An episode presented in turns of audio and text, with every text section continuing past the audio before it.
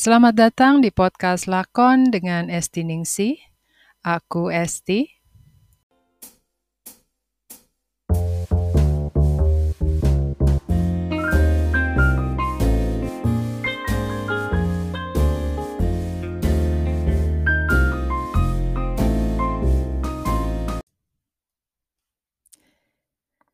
Di episode hari ini, aku akan membahas tentang sifat dan kepribadian pemalu. Dan bisakah seorang pemalu berubah?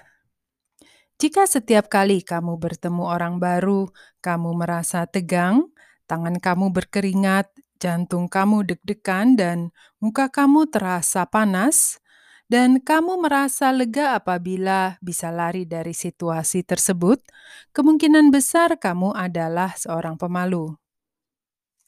Menurut Asosiasi Psikologi Amerika, pemalu adalah kecenderungan untuk merasa canggung, gugup, khawatir, atau tegang selama pertemuan sosial, terutama dengan orang yang tidak dikenal.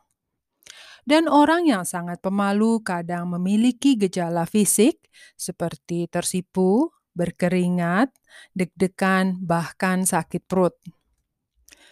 Rasa malu dapat menghambat seseorang mencapai kehidupan yang dia inginkan, baik itu keinginan untuk mendapatkan pasangan hidup, teman, atau karir yang ia impikan. Bagaimana seseorang bisa mendapat teman atau pasangan romantis jika malu bicara dengan orang lain? Bagaimana seseorang dapat meraih pekerjaan atau jabatan yang dia impikan tanpa keberanian untuk mengeluarkan ide dan opini cemerlangnya? Kebanyakan orang percaya bahwa sifat pemalu adalah sesuatu yang seseorang bawa sejak lahir dan tidak dapat dirubah. Kenyataannya, sifat pemalu bukanlah hal yang permanen, artinya dapat dirubah. Pada umumnya, orang pemalu tidak malu terus-terusan atau sepanjang waktu.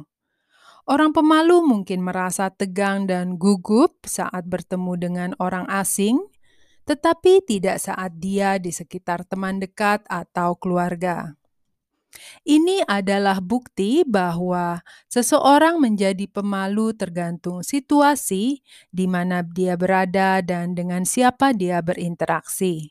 Dan ini sangatlah penting untuk dimengerti. Orang pemalu mempunyai kesadaran diri yang berlebihan, perasaan negatif tentang diri mereka sendiri, kekhawatiran tentang bagaimana orang lain melihatnya, dan penilaian atas harga diri sendiri yang rendah. Perasaan-perasaan ini biasanya muncul ke permukaan ketika orang itu dihadapkan pada situasi yang membuatnya tidak nyaman dan ketika ini terjadi, orang itu akan merasa malu, gugup, dan canggung. Pertanyaannya adalah situasi-situasi yang bagaimana yang dapat membuat seseorang menjadi pemalu. Situasi nomor satu adalah situasi di mana seseorang membutuhkan sesuatu dari orang lain, dan ini biasanya berupa persetujuan, validasi, atau penerimaan. Orang pemalu biasanya tegang, menyensor apa yang dia katakan, dan takut untuk angkat bicara. Ini adalah manifestasi dari kebutuhan untuk disukai, diterima, dan divalidasi oleh orang lain. Ini juga terkenal dengan istilah terlalu memperdulikan apa yang orang lain pikirkan. Dalam situasi sosial, orang pemalu hanya mengatakan hal-hal yang dia pikir dapat membuat orang lain terkesan. Yang menarik adalah jika seseorang tidak butuh validasi dari orang lain atau tidak peduli jika orang lain menyukainya, secara alami dia akan lebih rileks terbuka, dan nyaman. Ironisnya, ini justru meningkatkan kemungkinan orang lain benar-benar menyukainya. Situasi nomor dua adalah situasi di mana seseorang menganggap nilai orang lain lebih tinggi dari dirinya. Ini ada hubungannya dengan seberapa besar orang itu menghargai diri sendiri. Jika seseorang merasa nilai orang lain lebih tinggi, dia akan menjadi malu, gugup, dan canggung di sekitar mereka. Umumnya, ini terjadi saat seseorang berada di sekitar orang-orang yang dia anggap menarik, cantik, atau tampan. Ini dapat juga terjadi saat seseorang berada di sekitar figur otoritas, seperti bos, guru, atau orang-orang yang lebih senior. Tetapi ada orang-orang tertentu di mana seorang pemalu tidak merasa malu sama sekali atau sedikit malu. Di sekitar orang-orang tersebut, dia bertindak jauh lebih percaya diri dan ekspresif dan dia tidak merasa terlalu sadar diri atau tidak yakin harus berkata apa. Mengapa?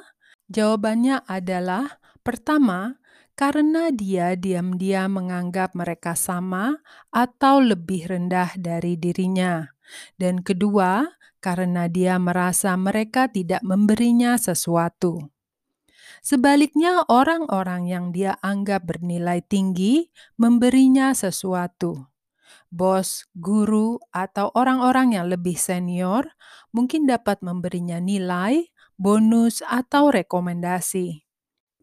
Dan orang-orang yang dia anggap menarik mungkin dapat memberinya reputasi dan lingkaran sosial yang positif, dan seterusnya. Solusi untuk masalah ini adalah meningkatkan rasa harga diri dan tidak menaruh nilai orang lain lebih tinggi dari diri sendiri.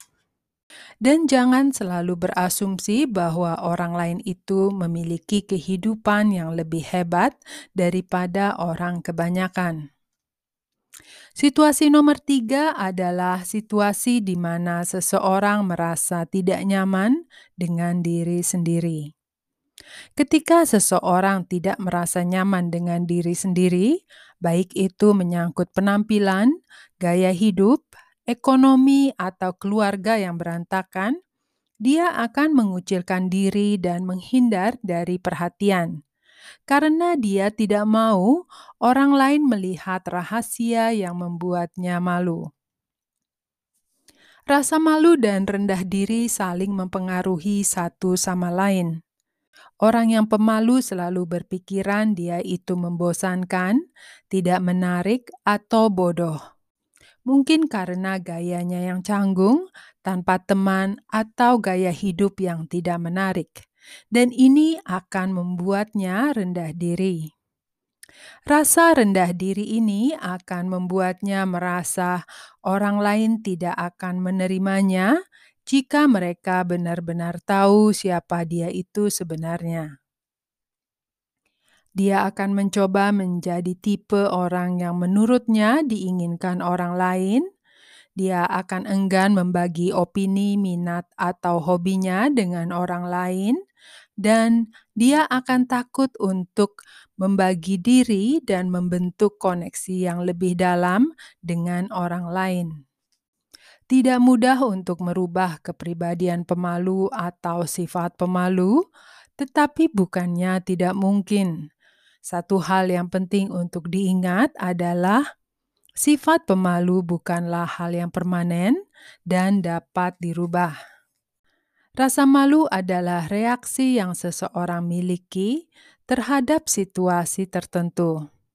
Merubah persepsi atas situasi tersebut adalah langkah pertama untuk menjadi orang yang lebih berani. Jangan lupa mendengarkan episodeku yang berjudul 13 tips untuk mengatasi rasa malu, minder, dan kurang percaya diri yang berisi tips praktis yang dapat dipraktekkan untuk kehidupan sehari-hari untuk menjadi orang yang lebih berani. Oke, sekian saja untuk episode kali ini. Sampai episode berikutnya. Bye bye.